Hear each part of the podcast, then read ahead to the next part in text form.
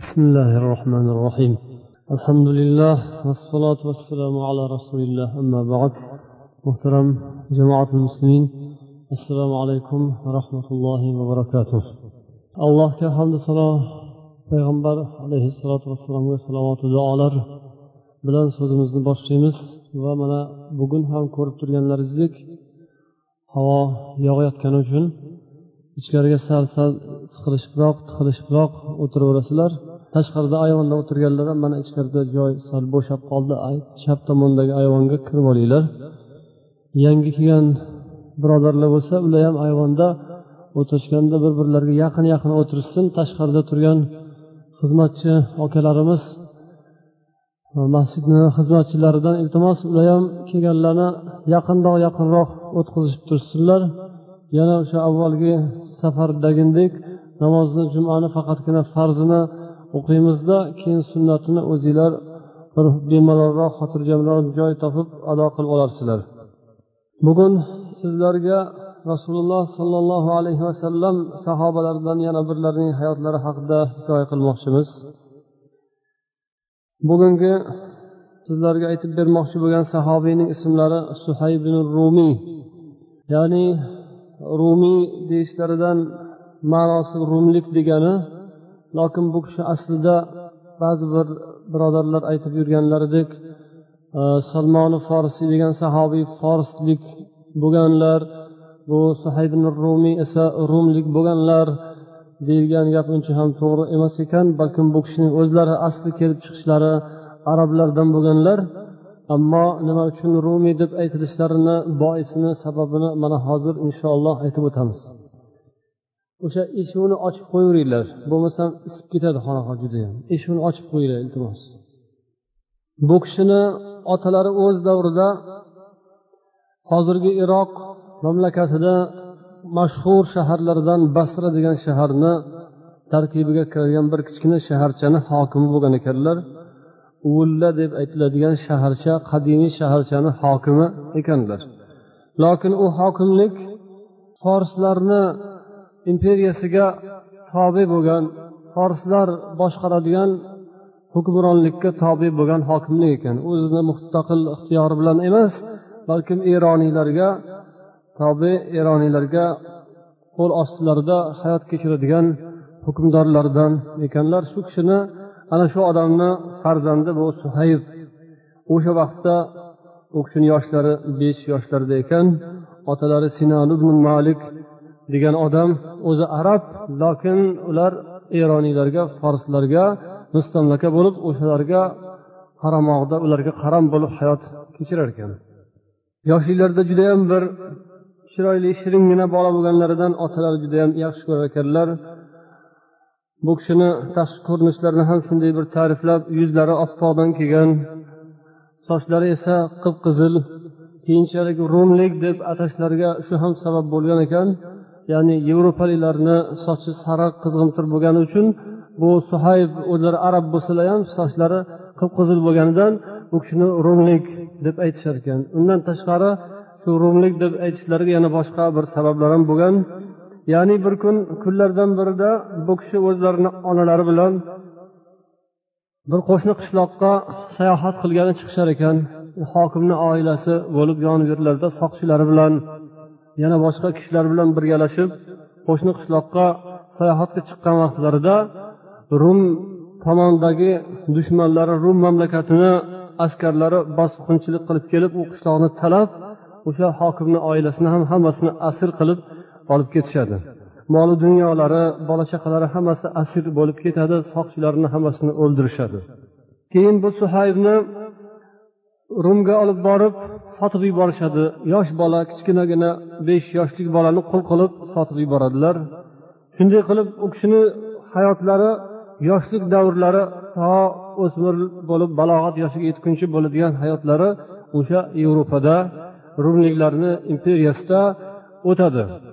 Va o'sha podsholarning saroyida xizmat qilib go'daklik vaqtlarida o'sha yevropani o'sha vaqtidagi jamiyatini ahvolini alloh taolo u kishiga yoshliklaridanoq ko'rsatadi.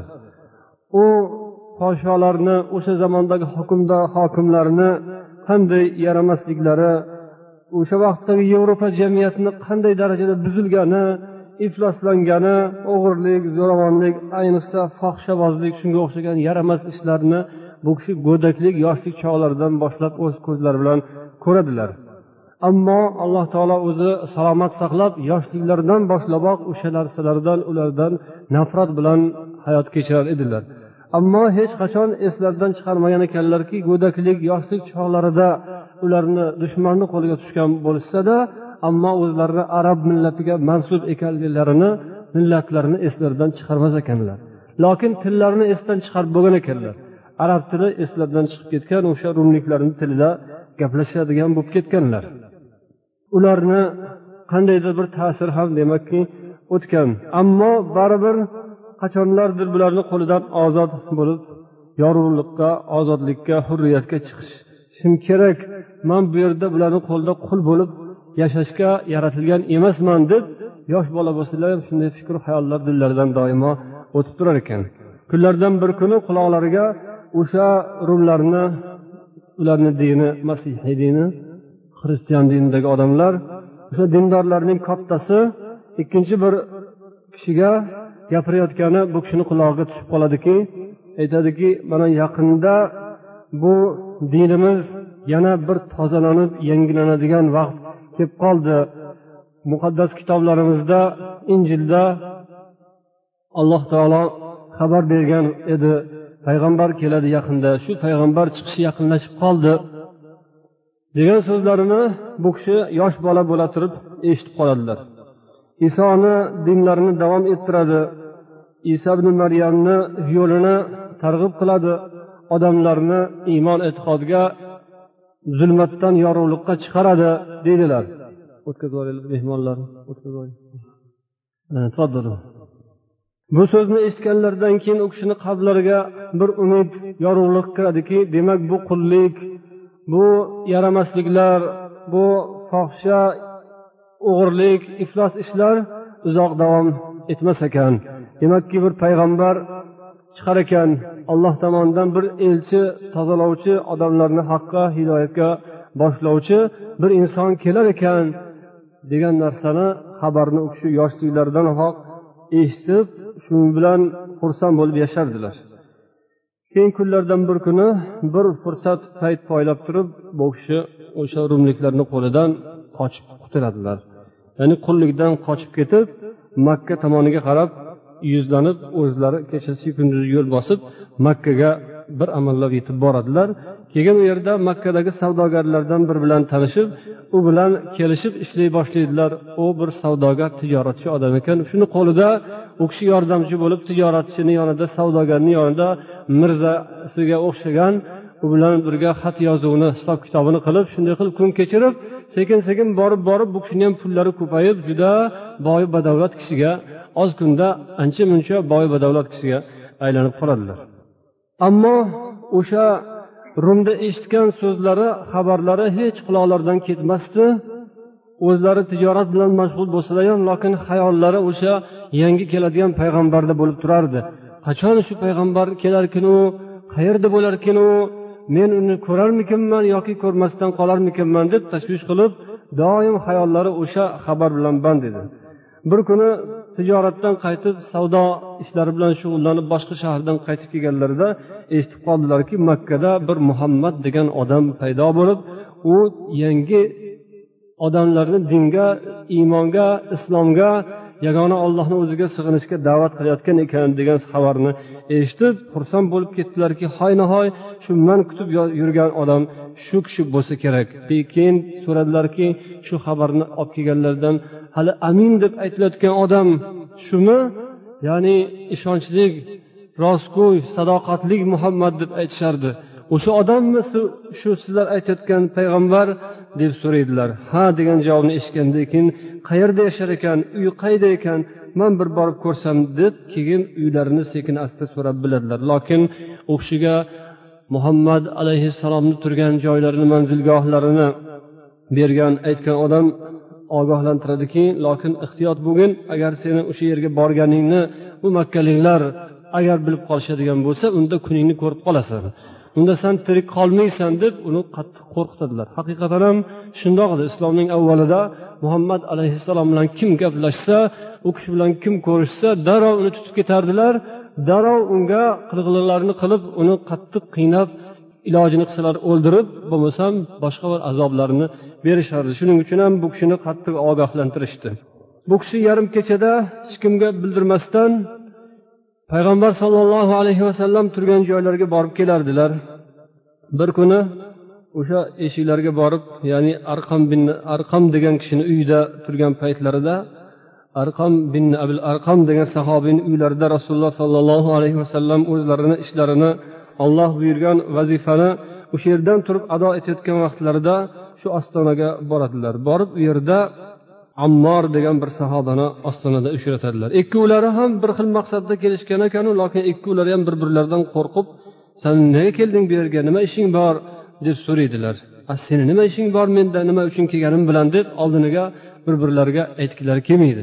Keyin maqsadlari bir ekanini bilganlaridan keyin ikkovlari birgalashib uyga kirib rasululloh sollallohu alayhi vasallam bilan uchrashib ikkovlari barobar musulmon bo'lishadi va o'sha kecha o'sha kuni rasululloh huzurlarida kechgacha bo'lishib payg'ambar alayhissalomdan din diyonat o'rganib alloh nozil qilgan qur'on suralaridan o'rganishib hech kim ko'rmaydigan yarim kecha vaqtida keyin yana u yerdan chiqib ketadilar ammo hamma o'sha vaqtdagi ko'p musulmonlarga bo'lgandek bularga ham musibatlar qurayshlar tomonidan yeta boshladi. Ya'ni musulmonlarni ular qattiq kambag'al muhtoj musulmonlarni ayniqsa hech kim yo'q tanish bilish yo'q qarindoshlar yo'q musulmonlarni qattiq azoblashardi ammo agar boy badavlatroq bo'lsa tanish bilishi borlardan musulmon bo'lib qolgan bo'lsa unga tegishmasdi.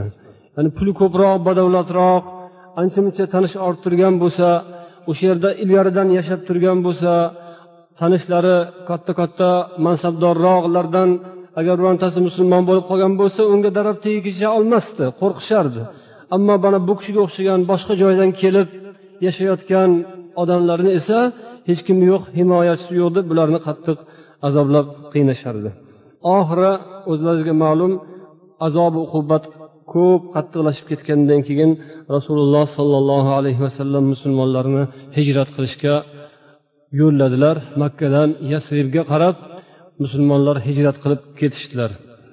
Suhaybin rumiy ham payg'ambar alayhissalom bilan u kishini sahobalari bilan hijrat qilmoqchi bo'ldilar. Ammo qurashiylar buni sezib qolib u kishini yo'llarini to'sib aytdilarki hamma ketsa ham san ketmaysan. San agar ketadigan bo'lsang seni o'ldiramiz. Sen kelganingda hech narsang yo'q edi. Makkaga shunday bir kambag'al bo'lib kelib endi boy badavlat bo'lib ketmoqchimisan. Sani hech qayoqqa ketkazmaymiz senga o'xshagan odamni dedilar va uni yoniga ikkita qo'riqchi qo'yib qo'ydilar. Hamma musulmonlar bir amallab ilojini qilganlar oshkoro ilojini qila olmaganlar maxfiy yashirinib yashirinib madinaga ko'chib ketdilar. Ammo bu kishi esa ilojini qilolmay qoldilar. Yonlarida ikkita qorovul uxlasalar ham tursalar ham ovqat yesalar ham hatto hojatga borsalar ham ikkita qorovul doim yonlarida yuradigan bo'lib qoldi. Qochib ketmasin deb. Iloj qilolmadilar oxiri bir hiyla ishlatishga o'tdilar. Ya'ni bir kuni sal havo sovuqroq bo'lgan ekan shu havoni sovigandan u kishi foydalanib go'yoki kechqurun yotdilarda xuddi hojatlari qistab qolgan odam bo'lib hojatxonaga bordilar. Hojatlarini bitirganda ham bular turib orqalaridan borib nima qilyapti ekan deb poylab turishardi. Bir marta hojatga borib keldilar yotdilar. Ikkinchi marotaba o'rnlaridan turdilar. Yana keyindan bular ergashishdi. Ikki uch marotaba hojatga borib kelaverdilar. Oxiri qo'riqchilar ham charchab qoldi. Keyin aytishdiki ha bu bizni xudoyimiz urganga o'xshaydi buni. Ya'ni lot uzzo degan xudolar bo'lardi shunga sig'inishardi butlarni yog'ochdan xudo qilib nomini o'zlari qo'yib shunga ibodat qilishardida biron bir musibat bo'lsa shunga yo'yishardi. Ana lot bilan uzzo urdi buni xudoyimiz urib qo'ydi buni. Bu ham xudoyimiz qorniga urib qo'yganga o'xshaydi. Shuning uchun yotolmay qolibdi joyida battar bo'lsin deyishdida uni ustidan kulishib unga shunday bir yomon so'zni aytishdida keyin o'zlari uyqulari kelib yotib olishdi. Uxlashdi. Shunday qilib bularni uxlatib qo'yib o'zlari sekin turib keyin shahardan chiqib madina tomonga qarab yasrib tomonga qarab ketdilar. Ammo ular uyqudan ko'zini ochib haligi soqchilar qo'riqchilar qarashsa bu haligi bola bularni aldab boplab ketgan ekan. Juda xafa bo'lishib keyin otga minishib orqalaridan otni choptirib quvlab madina tomonga hoynahoy shu yasribga qarab ketgan bo'ladi. Boshqa qayoqqa ham ketardi deb yasrib tomonga otni qo'yib choptirib borib yarim yo'lda yetib olishdi. Lokin hali yetib ulgurmasdan turib bu kishi ham ko'rdilarda keyin o'sha yo'lda bir baland tepaning tepasiga ustiga chiqib turib yonlaridan o'q yoylarini chiqarib o'qlarini kamonga shunday qo'yib kamonni qovusini bunday tortib tarang qilib turib uzoqdan aytdilarki o'rnlaringda to'xtanglar. Bo'lmasam mani bilasizlar judayam mergan odamman. O'sha mo'ljallagan joyimni bexato uraman. Hozir nechta bo'lsang hammangni til torttirmay yerga yopishtiraman. Shuning uchun yaxshisi orqalaringga qaytib ketinglar deb o'sha yerdan turib biroz ularga do'q qilgandek bo'ldilar. Ammo bular ham orqada kelayotganlar ham faqat ularni dardi e'tiqod emas ularning dardi faqat din emas o'zlarini eski xudolarini himoyasi uchun emas edi balkim u yerda asosiy masala pul edi. Ko'p shunday talvasaga tushib vasvasaga tushib bir ishni qattiq oxirigacha yetkazaman deydigan odamlar qandaydir bir pulga moli dunyoga sotilgan bo'ladilar. O'sha pulni dardida moli dunyoni dardida kimlardir ularni boblab ishlatadi? Bular ham shunga o'xshagan odamlar edilar. Aytishdiki yo'q biz ham o'lsak o'lamizki lokin seni qo'yib yubormaymiz. Sani bilamiz boy badavlat odamsan senda pul ko'p. Sen ham o'zing ham puling bilan ketar ekansan. Yo'q biz ham mana shu yerda o'lamiz yo seni o'ldiramiz yo seni pulingni olamiz. Shu uchovidan bittasi biz ham orqaga qaytmaymiz. Biz ham shu qasd bilan chiqqanmiz deyishdi. Keyin oxiri bu kishi aytdilarki agar man o'sha o'zimni molimni pulimni bersam shu bilan tinchiysizlarmi shu bilan qaytasizlarmi degandek ha tinchiymiz. O'sha hech bo'lmasa pulingni berib ketasan bizga. Hech bo'lmasa molingni dunyoyingni biza olib qolishimiz kerak. Shundan keyin bu kishi aytdilarki bo'lmasam uyimga borasizlar hovlimga borasizlar o'sha falon joyni qaziysizlar qarasanglar o'sha yerda man o'sha makkaga kelganimdan buyoqda yig'ib tergan hamma boyligim tilloyi kumushlarim o'sha yerda o'shani ola qolasizlar bo'lmasam dedilar. Bular ikkita odamni o'sha yerda qoldirib bu kishini bir ikkitami qanchami shu yerda xullas kalom qo'ldan chiqarib yubormaslik uchun o'zlarini odamlarini qoldirib yana bir nechalari makkaga borib o'sha ko'milgan joydan oltinlarni boyliklarini topdilarda keyin bo'ldi ketaver ishimiz bitdi deb bu kishini qo'yib yubordilar. Shunday qilib mollarini dunyolarini u kishi oxiratdan ustun qo'ymadilar. Bir umr yig'ib terganlarini boyliklarini alloh taolo yo'lida shularga berdilar. Shunday qilib iymonlarini islomlarini saqlab qoldilar. Yo'lda to yasribga yetgunga qadar ko'p mashaqqatlar qiyinchiliklarni tortdilar hech narsalari yo'q edi. Har safar qiynalganlarida charchaganlarida yerga yumalab qoladiganday holatga tushgan vaqtlarida eslarga payg'ambar rasululloh sollallohu alayhi vasallamni eslariga olardilar. Alloh xohlasa yaqinda rasululloh bilan uchrashaman rasulullohni oldilariga ketyapman degan fikr xayol dillariga kelgandan keyin o'z uz o'zidan bu kishiga kuch g'ayrat paydo bo'lardi. Charchoqlari eslaridan chiqib yana qattiq g'ayrat bilan shu madinaga borish. Rasululloh sollallohu alayhi vasallam huzurlariga salomat eson omon yetib olishni ishqida muhabbatida bu kishi hech charchamasdan yo'lda davom etaverdilar. Va oxiri quboga yetganlarida ya'ni qubo shu madinani ostonasidagi bir o'sha vaqtida qishloq edi. Hozir endi u madinaga qo'shilib ketgan kattalashgandan keyin o'sha joyda to'g'ridan to'g'ri u kishi payg'ambar muhammad sollallohu alayhi vasallamni o'zlari bilan uchrashib qoldilar. Ittifoqo alloh taolo birinchi bo'lib uchratgan kishilari shu rasululloh sollallohu alayhi vasallam bo'lishini iroda qilgan ekan. Payg'ambarimiz u kishini ko'rib xursand bo'lib uzoqdan turiboq ya aba yahyo dedilar. Hali yetib kelmasdan turib ya'ni ey abu yahyo ya'ni ey suhayb sizni savdoyingizda yutdingiz siz savdoda yutdingiz tijoratda siz yutdingiz. Dedilar. Ya'ni oldi sotdi qilgan odam savdo tijorat qilgan odam hamma vaqt ham yutavermaydi. Pul sarflab bir narsa oladi uni aylantiradi boshqa qiladiyu lokin birov yutadi foyda qiladi birov sinib qoladi zarar ko'radi savdoda tijoratda bu ham bir g'alati narsada shunga ishora qilib payg'ambar sollallohu alayhi vasallam sizni tijoratingiz juda foydali bo'ldi siz yutdingiz dedilar. Ya'ni o'sha pullarini mol dunyolarini tashlab dinlarini salomat olib kelganlariga ishora qildilar. Shunda bu kishi hayron bo'lib dam xursand bo'lib dam hayron bo'lardilarki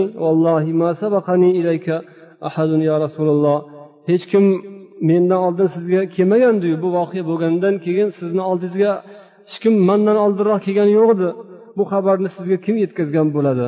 albatta buni sizga olloh bildirgan biz sizga buni jabroil alayhissalom yetkazgan bo'ladilar haqiqatan ham shundoq bo'ldi deb xursand bo'ldilar buni alloh taolo ham ma'qulladi alloh taologa ham bu xush kelgan ekan suhayb rumiyni ishlari bu kishining haqlarida alloh baqara surasidagi ikki yuz yettinchi oyatni nozil qilgan ekan أعوذ بالله من الشيطان الرجيم ومن الناس من يشري نفسه ابتغاء مرضات الله والله رؤوف بالعباد odamlardan shunday kishilar borlarki o'zlarini nafslarini alloh taolo yo'lida alloh taolo roziligi uchun sotadilar yoki ba'zi bir mufassirlar alloh taolo roziligi yo'lida o'zlarini nafslarini sotib oladilar alloh bandalariga mehribon zotdir Ya'ni inson bir narsani sotib olmoqchi bo'lsa pulini berib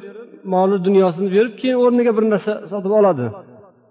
Agar bir qimmatroq narsa nozikroq nodirroq istab yurgan narsasi topilib qolsa hamma bor butun yig'ishtirib turib pulga aylantirib berib shuni olib olishim kerak vaqtida bo'lmasam keyin buni topolmay qolaman deb u bor butun yig'ishtirib sotib oladi.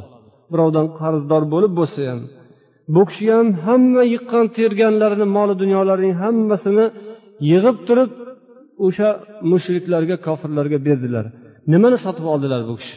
Bu kishi o'zlarini jonlarini iymonlarini salomat saqlash uchun jonlarini o'z nafslarini do'zaxdan sotib oldilar.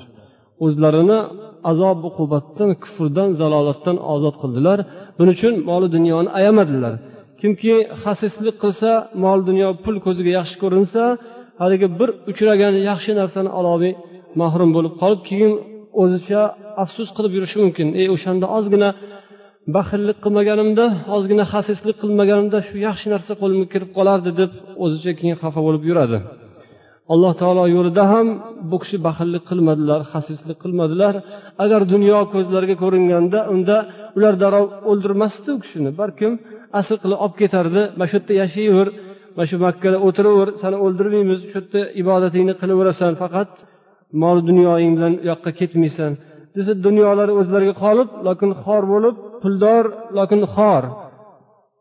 Ibodatini ham qilar balkim lokin o'sha mol dunyoni aziz bilgani uchun o'zi xorizor bo'lib kofirlarni orasida mushriklarni iymonsizlarni orasida pulni deb moli dunyoni deb xoru rasvo bo'lib yashashi kimni qo'lidan keladi? Bu pulni yaxshi ko'radigan mol dunyoni iymondan ko'ra islomdan ko'ra azizroq biladigan odam demak dunyoda o'sha kofirlar bilan birga xo'rlikni o'ziga qabul qiladi shunga rozi bo'ladi. Ammo ularni alloh taolo yaxshi ko'rmaydi.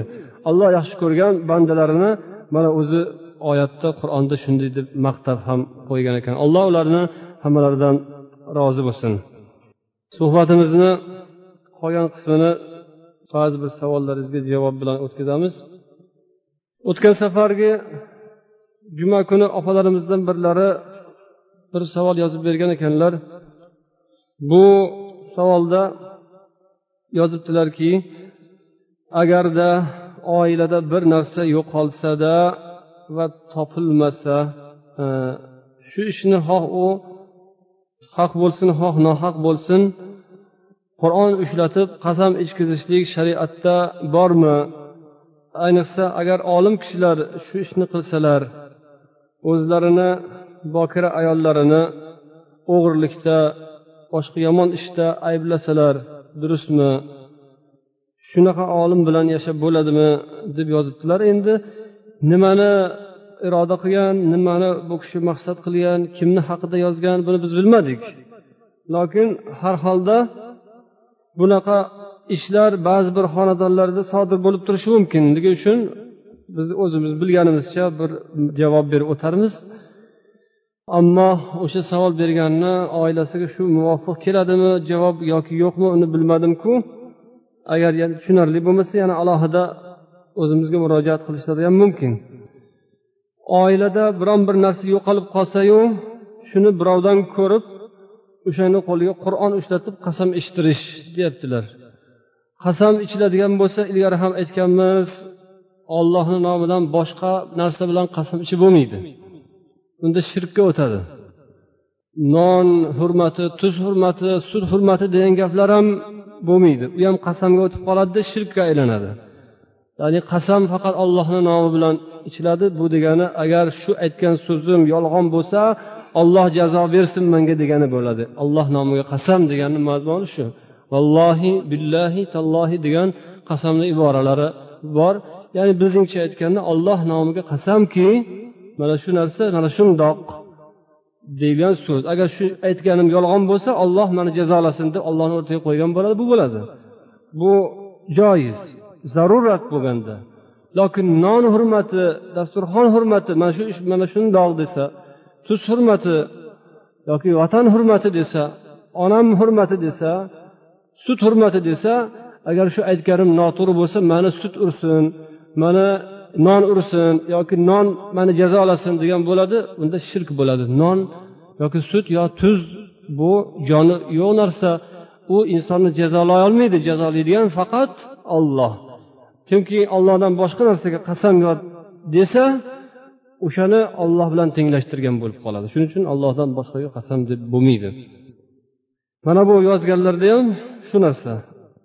Bu demak birinchi qism javobimiz ya'ni qasamni har bir narsa bilan ichib bo'lmaydi.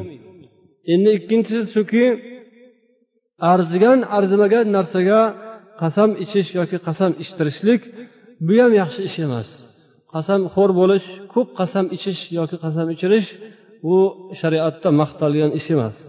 Ayniqsa mana bunaqangi holatda biron narsasi yo'qolib qolsa shu yo'qolib qolgan narsasini deb bir biriga qasam ichtirib bir birini xo'rlab har xil yomon gaplarni gapirish demak shu odamlar ollohning sinovidan o'tolmayotgan yiqilayotgan yiqilgan odamlar bo'ladi. Ya'ni eng muhim narsada qasam ichsa bo'ladi. Lokin bular nimada qasam ichyapti? Bir yo'qolib qolgan marvar yo'qolib qolgan yoki bo'lmasam isirg'asi yo'qolib qolgan bo'ladi. Kimdir o'g'irlab qo'yadi kelindan ko'radida xotinlar mana shu kelinim sal qo'li egriroq chiqdi o'sha olgan bo'lsa kerak deydi. Yo o'shani bir qarindoshlari keluvdi uying kuygurlar o'shalar olib ketganmikan? deb undan yoki bundan ko'rishadi. Bir aylanib borsa o'sha qancha narsaga barobar kelishi mumkin? Bitta isirg'a yoki bo'lmasam bir marjon yoki biron bir marvarid shunga o'xshagan taqinchoq narsasi yo'qolib qoladida xotinlarini darrov kuyib yonib ketadi o'zini yo'qotib hali u yoqqa uradi o'zini hali o'tga hali cho'qqa hali folbinga hali azayimxonga. Masjid esiga kelib qolgan bo'lsa yugurlab masjidga kelib bir qulf ko'tarib keladi yoki boshqa bo'ladi. Xullas qo'lidan kelganini qiladi boshiga nima ish xayol kelsa shayton nima deb o'rgatsa hammasini qiladi. O'sha mahalda shaytonlar ham toza xursand bo'lib rosa ilgari qildira olmagan narsasini qildirib oladi shaytonlar ham.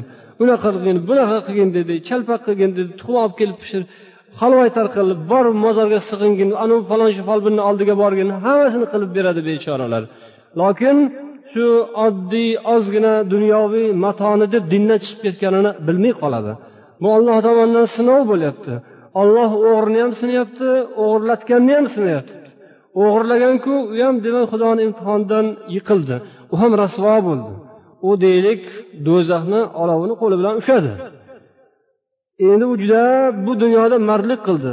Ertaga oxiratga borganda o'shani o'rnida demak do'zaxni olovini ushlagan ekanligini biladi. Keyin hozir bilmaydi. Yosh bolaga o'xshab ushlab oldi hozir. Yosh bola ham ushlaguncha bilmay turadida ushlagandan keyin dod deydi. Nima bo'lganiga aqli yetmaydi baribir. Yana qo'yib bersangiz yana ushlaydi dod deb ushlayveradi shunga o'xshagan o'g'rilar ham birov narsasini olganlar ham bu dunyoda yosh bolaga o'xshab ushlaydi shu bilan hali hech narsa bo'lmagandek bo'ladi. Qiyomatga borganda yoki qabrga borganda qarasa olovni ushlab qolgan ekan. Yegan bo'lsa uni u ancha ichkariroqqa kirgizib yuborgan ekan olovni demak qorniga tiqib olgan ekan. Endi uni chiqarib ko'rsinchi bo'lmaydi. Bu dunyoda bo'lardi chiqarib. Lokin shu ahvolda go'rga ketgan bo'lsa qiyomatga borgan bo'lsa unda u ham ko'radi o'sha yerda qilganicha. Ya'ni uniku masalasi ayon. U ollohni imtihonidan yiqilib xarob bo'ldi. Agar tavba qilmasa joyiga olib kelib qo'ymasa o'g'irlagan narsasini. Uku ahvoli shunaqa rasvo bo'ladi. Ammo narsa yo'qotgan odam ham undan kam bo'lmaydi. Ba'zilari hammasi emas. Ya'ni e'tiqodi sust dini chala bo'lsa iymoni zaif og'zida musulmon bo'lgan tilini uchida tilini uchida ham emas labini uchida musulmon bo'lganlar bor. U shunaqangi bo'lib yurgan bo'lsa u bechorani ham ahvoli ana o'g'rinikidan yaxshi bo'lmaydi ikkovi ham bir biriga yaqinroq bo'ladi. Balkim bu undan ham o'tib ketadi. Folbinga borsa dindan chiqib u do'zaxga tushib qaytib chiqmaydigan bo'lib kirib ketishi mumkin. Bu bir sinov narsasini yo'qotsa deylik shu dunyoni narsasini deb dindan chiqib ketadimi odam. Qanday pastkashlik mana bu rasululloh sollallohu alayhi vasallam zamonlarida yashagan odamlar bor butun dunyosini hammasini berib dinim salomat bo'lsin deyapti. O'sha mushrik bilan kofirlar bilan yashashga ham rozi bo'lmadi ular. O'sha rasulullohni oldilarida bo'layin madinada bo'layin xotirjamroq bo'layin dinim bemalolroq bo'lsin deb oltinu kumushlarning hammasini kofirlarga man ola qolsang deb itga suyak berganday ular berib keta olishdi. O'sha oltin kumushlarga bular hozirgi ba'zi bir xotinlar yo'qotgan isrig'adan qanchasini berarkin? Ularni agar buni puliga chaqadigan bo'lsa qancha narsaga aylanarkin? Hammasidan voz kechib yuborishdi olloh uchun. Ammo bular narsasini yo'qotganda hamma narsa esdan chiqib qoladi. Olloh ham esdan chiqadi din esdan chiqadi iymon esdan chiqib bu bir kofirni oldiga boradida kofirni oyog'iga boshini qo'yib o'zi ham kofir bo'lib dindan chiqadi shu bir o'sha suhaybun rumiy alloh taolo yo'lida sarf qilib voz kechib yuborgan narsani mingdan biriga teng kelmaydigan narsani deb bular dindan iymondan voz kechib boradigan odam baxtli odam emas. Ular baxtsiz odamlar. Shuning uchun buni hech kimdan ko'rib bo'lmaydi. Agar isbot hujjat dalil bo'lmasa isboti hujjati dalil bo'lsa unda boshqa gap. Bo'lmasa topolmasangiz nima iymon yo'qotdingizmi din yo'qotdingizmi? Islom yo'qotdingizmi? Nima uncha qayg'urasiz dodi faryod qilasiz. Iymoningizni islomingizni tortib olaman desa birov shu darajada kuyarmidingiz kuyinarmidingiz yo'q ular u darajada kuymaydi kuyinmaydi ularga desa hamma yoq kofiriston bo'lib hamma yoq rasvo bo'lib ketsa ham mayliki o'zi uyda tillasini quchoqlab yotaversa bo'ldi ularga ba'zi bir odamlarga. Alloh taolo bu boylik pul mol dunyo bilan hammamizni sinayotganini esimizdan chiqarmaylik yaqinda hammasini oladi. Olloh hech narsa qolmaydi ollohni huzuriga. Hech narsasiz o'sha doim kechasi kunduzi uylarida ham bilaguzuklarni taqib yaltir yultir qilib yuradiganlar ham boshqasi ham hamma hamma ollohni huzuriga hech narsasiz ketadi. Kafan bilan oddiy bir oppoq mato bilan xudo nasib etsa shunaqa narsa bilan borib ollohni huzurida qabrga shunday kiriladi. Shuni o'ylagan odam bunaqa o'sha oddiy arzimas narsa uchun qur'on ishlatib o'zini rasvo qilmasin. Olloh bu qur'oni karimni o'qinglar amal qilinglar tilovat qilinglar yaxshi ko'ringlar eshitinglar o'rganinglar o'qinglar o'rgatinglar deb bergan qur'onni ba'zi bir molparast odamlar ana shunday o'g'irlangan narsalarni topishga ishlatib qur'on kalitmi deyay obdastagardonmi qilib o'zini o'zi rasvo ekanligini o'zini pastkash odam ekanligini ko'rsatib qo'yadi. Qur'on demak bu hidoyat kitobini o'qish kerak unga amal qilish kerak. Ho'p yana birlari so'rabdilarki ba'zi bir e, imomlar janozani o'qigandan keyin uy egasidan pul gilam palos so'raydi islomda shuni berish kerakmi yoki yo'qmi deb yozibdilar. Ho'p shunaqa janoza vaqtida bir narsa berish olish degan e, narsalarni biz ham ko'rganmiz. Qilishadi bilamizku lokin shuni berasan deb so'raganini man bilmadim. Qaysi bir imom qaysi bir domla janoza o'qigan e, janozani o'qishdan oldin yoki o'qigandan keyin bunga falon narsa berasiz deganini bilmadik. Agar shundoq deyilgan joyi bo'lsa bu juda o'ta xato bo'ladi. Judayam bir yomon ish. Haligi aytilgandek bir molparast dinini pulga sotadigan nodon kimsa shunday qiladi. Aslida janoza nikoh bular hammasi islomni shiorlaridan islomda ibodatlardan hisoblanadi. Ayniqsa janoza bu ibodat tahorat bilan pokiza bo'lib ado qilinadigan bir holat. Buni pulga aralashtirish bundan bir narsa moddiy manfaat hosil qilib qolishga urinish bu o'ta pastkashlik bo'ladi. Dini islomni pulga aylantirish bo'ladi bu mumkin emas. Hech narsa bermaslikka haqlari bor o'sha janoza o'qitayotgan odamlar. Qur'on o'qiganga ham qabriston tepasida yoki janoza o'qiganga ham hech narsa bermasdan o'qitiladi bu xolis bo'lishi kerak ibodat. Alloh uchun xolis hech narsa tama g'araz qilmasdan o'qilgan bo'lsa o'shanda savob bo'ladi. Lokin bir narsa berarmikan degan fikr xayol dilidan o'tgan bo'lsa savob bo'lmaydi. Bu ishlar xoli bo'lishi kerak. سبحانك اللهم وبحمدك أشهد أن لا إله إلا أنت أستغفرك وأتوب إليك. اللهم صل على سيدنا محمد وعلى آله وأصحابه أجمعين. إلى فرودك رحمة هدايتك توفيق إنصاف ديانتك باشلقين وصلى الله على سيدنا محمد وآله وأصحابه أجمعين. برحمتك يا أرحم الراحمين. hozir azon aytamiz keyin o'sha aytganimizdek juma namozini farzini o'qiymiz yana tashqarida ayvonda o'tirganlar yuqoridagi ayvonda o'tirganlar ham bir sekin sekin surilib pastda hovlida qolib ketgan birodarlarga joy beringlar. Bir birlaringizni yelkalaringizga sajda qilaverasizlar.